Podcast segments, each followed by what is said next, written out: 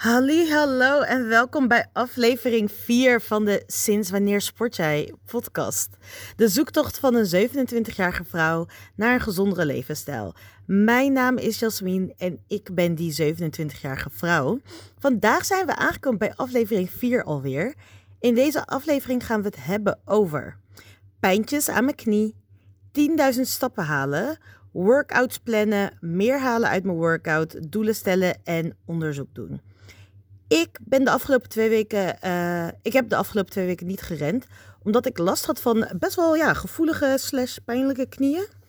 Ik merkte het vooral bij het staan, omdat ik altijd met mijn benen um, super gestrekt sta. Dus dat je knie soort van naar binnen, ja, dat je rechte benen. In ieder geval, je snapt wat ik bedoel. En um, doordat ik het heel erg merkte als ik dus uh, heel, ja, stond zoals ik normaal stond, uh, werd ik wel dus wat gedwongen om uh, wat bewuster te staan. Dus met wat licht gebogen knieën.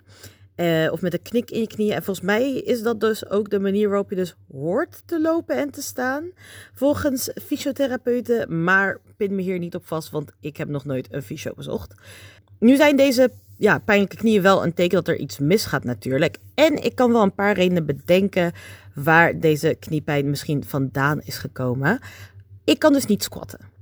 Ik heb niet de controle, balans of mobiliteit om diep te squatten of met uh, ja, je voeten bij elkaar, dus zo'n narrow stand te squatten.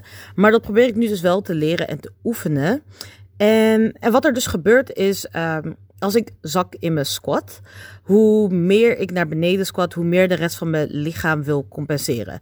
Dus mijn bovenlichaam wil naar voren komen en mijn knieën zakken dus in elkaar. En vervolgens probeer ik dus uit die positie omhoog te komen, terwijl ik een dumbbell van 18 kilo tegen mijn borst druk. En um, ja, ik denk dat dus dat, dat één oorzaak is, denk ik. En een andere reden is, denk ik, um, dat ik dus mijn benen ook uh, iets te gestrekt hou bij andere oefeningen, zoals een deadlift of een good morning. Uh, en ja, omdat ik hier natuurlijk ook zware gewichten gebruik. En ik denk dat dit allemaal uh, mijn knieprobleem heeft gecreëerd. Um, nu heb ik hier de afgelopen week wel geprobeerd op te letten tijdens mijn training. En het voelt mijn knieën ook veel beter en uh, sterker. Naast dat ik erop heb gelet tijdens mijn training, heb ik ook mezelf proberen te ontzien door niet meer te hardlopen. Dus ik heb niet uh, ja, gerend in de afgelopen weken. En dat rennen heb ik dus vervangen door wandelen. Met als extra uitdaging om zo vaak mogelijk de 10.000 stappen proberen te halen. Nou, hoe haal ik die 10.000 stappen? De beste manier om nieuwe uh, wandelgewoontes, nou gewoontes in het algemeen, maar in dit geval wandelgewoontes te creëren, is door een nieuwe gewoonte te linken aan een gewoonte die al bestaat. Zo uh, gebruik je een bestaande gewoonte als trigger om een nieuwe gewenst uh, gedrag uit te lokken. Dit noemen ze ook wel uh, gewoontes stapelen, indien je het zou willen googlen. En op dit moment heb ik wandelen succesvol gekoppeld aan eten. Na iedere maaltijd nam ik mezelf voor om te gaan wandelen. Dit is natuurlijk ook nog goed voor je spijsvertering. Dus het voelde soort van alsof ik twee vliegen in één klap had. Met de tijd ben ik toen dat gevoel van volzitten na het eten gaan associëren met. Oh, het is tijd voor een wandeling. Terwijl ik voorheen uh, zou hebben gekozen voor. Oh, het is tijd om op mijn bed te gaan liggen en even Netflix te kijken. Dit is absoluut geen goed idee voor mensen die zoals ik best wel gevoelig kunnen zijn voor brandend maagzuur. Om na het eten meteen te gaan liggen. Ik hoop dat het ook werkt voor jullie. Je hebt natuurlijk ook van die apps zoals Ommetje en zo die mensen gebruiken. In ieder geval, doe wat bij je past. Oh ja, het is misschien trouwens ook wel belangrijk om te vertellen dat ik gisteren uit pure hoogmoed toch nog even ben gaan rennen voor 30 minuten. En dat had ik beter niet kunnen doen, want mijn linkerknie is nu dus weer een beetje gefokt. Um, je vraagt je misschien af wat ik hieraan ga doen.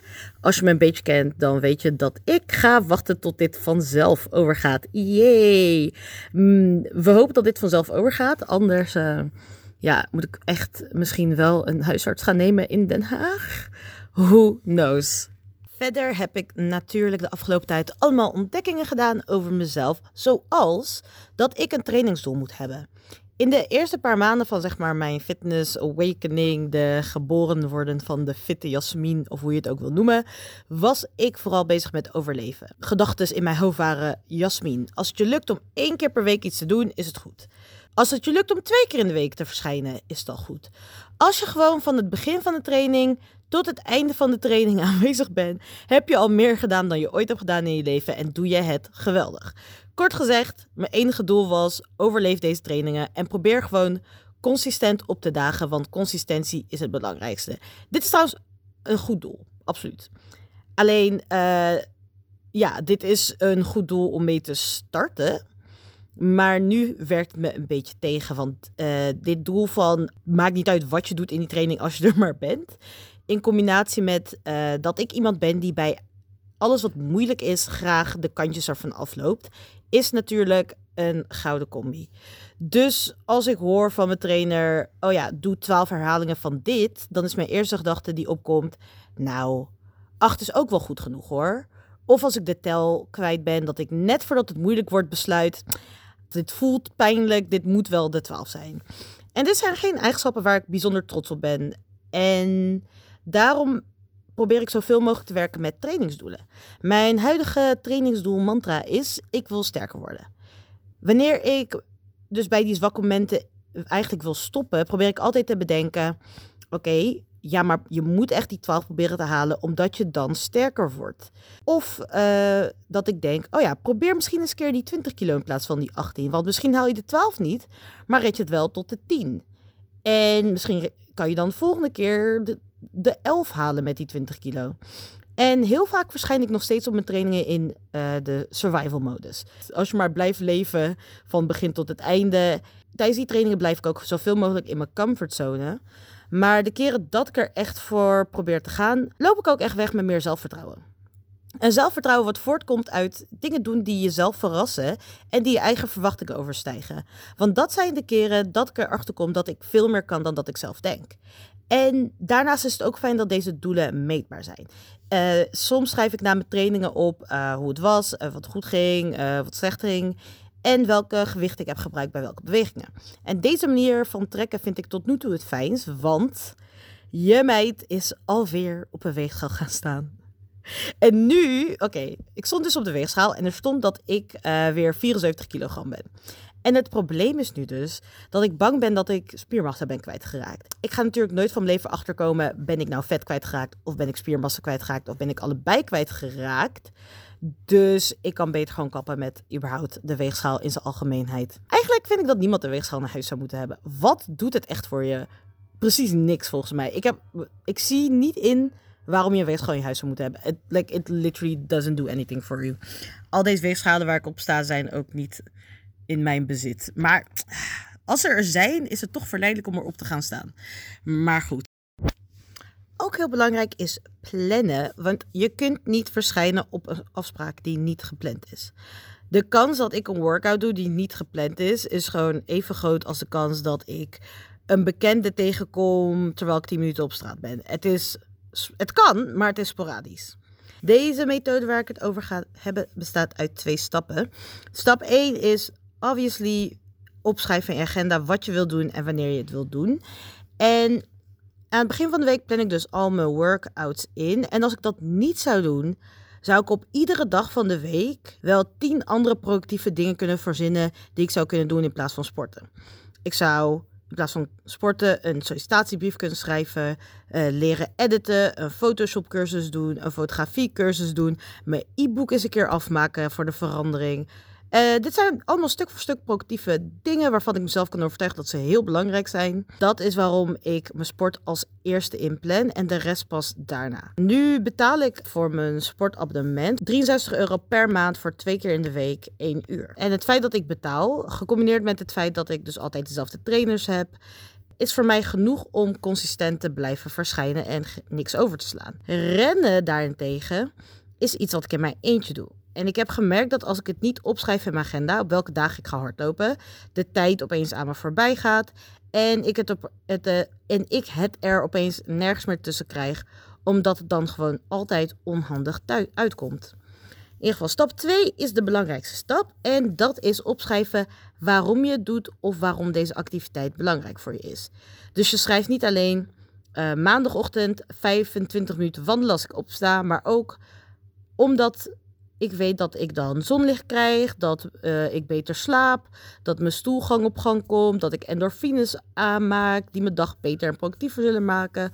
Ja, zo kun je duizenden dingen bedenken. Zoals, nou, ik ga twee keer per week naar de sportschool omdat ik sterker wil zijn dan vorige week. Omdat ik, weet ik veel. Ik weet dat als ik nu consistent ben, ik over een jaar het lichaam wat ik wil omdat als ik, stel je doet yoga, kan je zetten, als ik deze yogales mis, uh, ja, is het hek van de dam. En dan ga ik vaker yogalessen overslaan. Uh, dus dat wil ik niet. Wat het dan ook is voor jou, omdat je veel minder medicijnen wil gebruiken. Omdat je je kinderen wilt optillen. maar goed. In ieder geval, wat het dan ook is voor jou, schrijf het erbij. En je zult zien dat de kans dat je dat rondje hardlopen of dat, kickbox, dat kickboxlesje afzegt veel kleiner is. Omdat je weet, dit ene lesje draagt bij aan een veel groter doel. En dat is waarom het belangrijk is dat ik ga. Een van de ontdekkingen die ik ook heb gedaan is, je kan dus bewegingen oefenen. Ik ben geen uh, natuurtalent, ik ben ook geen fitness junkie of een uh, verslaafde aan de fucking sportschool. Um, als het gaat om krachttraining in ieder geval, of iedere andere sport in de wereld die niet dansen is. Ik kan bijvoorbeeld geen, uh, geen push-up, niet eens één, ook niet op mijn knieën. Uh, zoals jullie weten kan ik geen squat, uh, zeker niet met mijn voeten dicht bij elkaar. En dit zijn allemaal dingen waarvan toen ik erachter kwam, dat ik dacht, oh, jammer, dit is iets wat nooit zal kunnen, dit zal altijd een probleem zijn. Ik zal nooit de benefits halen uit die oefeningen die ik niet kan. En deze gedachte sloeg natuurlijk nergens op, want je kan alles in het leven oefenen. Dus wat ik nu dus doe buiten mijn uh, trainingen door, dus buiten de lessen waarvoor ik betaal door, uh, is mijn bewegingen oefenen. En mijn eerste projectje die ik heb aangenomen is push-ups leren. Ik oefen mijn push-up door drie keer per dag een push-up te doen. Of nou ja, soms vier keer per dag. In ieder geval verdeeld over de dag doe ik een aantal push-ups. Eh, tegen een schuine oppervlakte. Dus in mijn geval tegen een tafel. En dat probeer ik zo perfect diep mogelijk te gaan als mogelijk is. En ja, ik merk hele kleine verschillen. Echt niks groots, niks grandioos. Maar ik merk wel echt een kleine verschil in mijn push-ups. Ik, mm, ik weet niet of dat komt door het oefenen. Ik denk het wel. Maar ik ben in ieder geval heel blij en tevreden. En dat is dus mijn projectje. Ik denk dat dit projectje wel, zeker nog een aantal maanden gaat duren. En dat ik misschien over. Ik denk oprecht dat ik misschien over een jaar een push-up kan. Maybe. Maybe. Ik probeer in ieder geval consistent te blijven. En als ik dit heb overwonnen, dan ga ik door naar andere dingen. Ja. Als laatste. Uh, een van de belangrijkste dingen om meer uit je training te kunnen halen, is onderzoek doen. Ik kan, uh, zoals ik net gezegd heb, af en toe nogal passief zijn uh, als ik naar mijn, uh, mijn, ja, als ik naar mijn krachttraininglesjes ga, omdat ik daar een trainer heb. of meerdere trainers. En die maken het trainingsschema. Die vertellen me wat ik moet doen. Die vertellen me hoe ik mijn schouders moet houden. Hoe ik mijn rug moet houden. Hoe ik mijn bekken moet kantelen. Die, dus die hebben gewoon heel veel kennis en die vertellen me precies wat ik moet doen. En ik hou ervan. I love it. Ik zou het niet anders willen. Maar ik merkte daardoor wel op een gegeven moment dat ik gewoon uh, er dus naartoe ging met het idee van: oké, iemand gaat me zo vertellen hoe ik het wel moet doen. Ik doe gewoon wat ik ervan onthouden heb. En dan komt iemand me wel verbeteren binnen nu en een halve minuut. Uh, maar daardoor bleef ik dus ook steeds dezelfde verbeterpunten horen. Dus ik bleef nog steeds horen: hou je rug recht, duw je knieën naar buiten, ribben naar beneden, uh, heupen kantelen, borst omhoog, uh, kin omhoog, schouders naar achteren, schouders naar beneden. Elke les bleef ik opnieuw, opnieuw, opnieuw, opnieuw dezelfde dingen horen, waardoor ik dacht: hier zit op dit moment dus geen ontwikkeling in, omdat ik deze dingen blijf doen, omdat ik er dus niet heel bewust mee bezig ben. En wat me hielp om dus daar wel bewust mee bezig te zijn om mijn schouders goed te houden. En om ik, mijn hele lichaam in de juiste alignment te houden. Was door onderzoek te doen. Dus ik heb al de dingen die ik steeds bleef horen, ben ik gewoon gaan opzoeken. Waarom is het zo belangrijk dat mijn knieën naar buiten staan? Waarom moeten mijn schouders naar achteren? Waarom uh, doen we soms 12 herhalingen in plaats van 8?